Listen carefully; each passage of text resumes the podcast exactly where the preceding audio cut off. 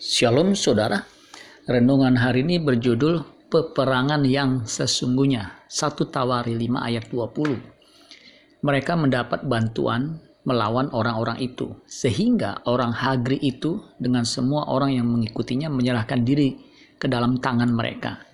Sebab mereka telah berseru kepada Allah dalam pertempuran itu.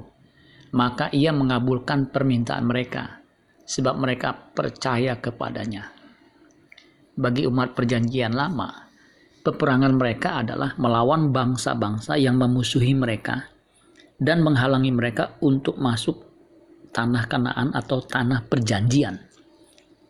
Tanah perjanjian adalah negeri yang Tuhan janjikan kepada bangsa Israel ketika mereka keluar dari perbudakan di Mesir.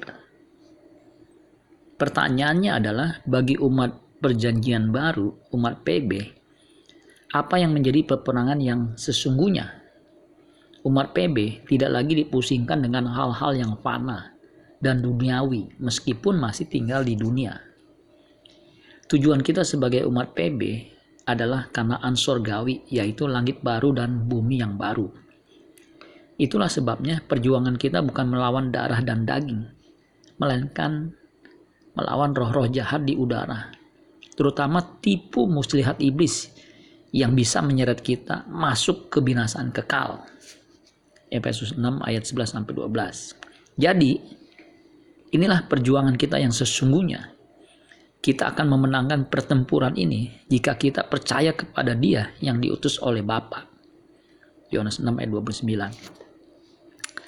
Sesungguhnya orang yang berjuang untuk hidup berkenan kepada Bapa adalah orang yang berusaha mengenakan kodrat ilahi seperti yang dimiliki Kristus waktu ia hidup di bumi.